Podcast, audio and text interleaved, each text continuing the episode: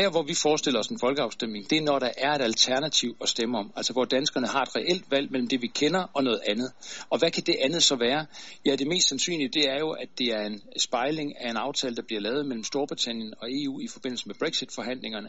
Øh, Theresa May, den britiske premierminister, har lagt et bud frem for en blød Brexit, som jeg synes, EU skal tage imod.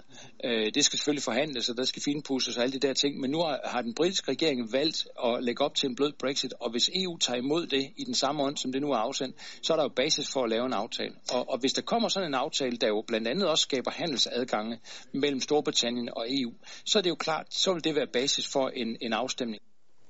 Ja, altså den her bløde aftale, som Christian Tulsendal taler om, det er lige præcis det scenarie, der faktisk er landet nu. Der er kommet den her aftale 585 sider, tror jeg det er, med, med juridisk tekniske sprog, men aftalen ligger på bordet nu.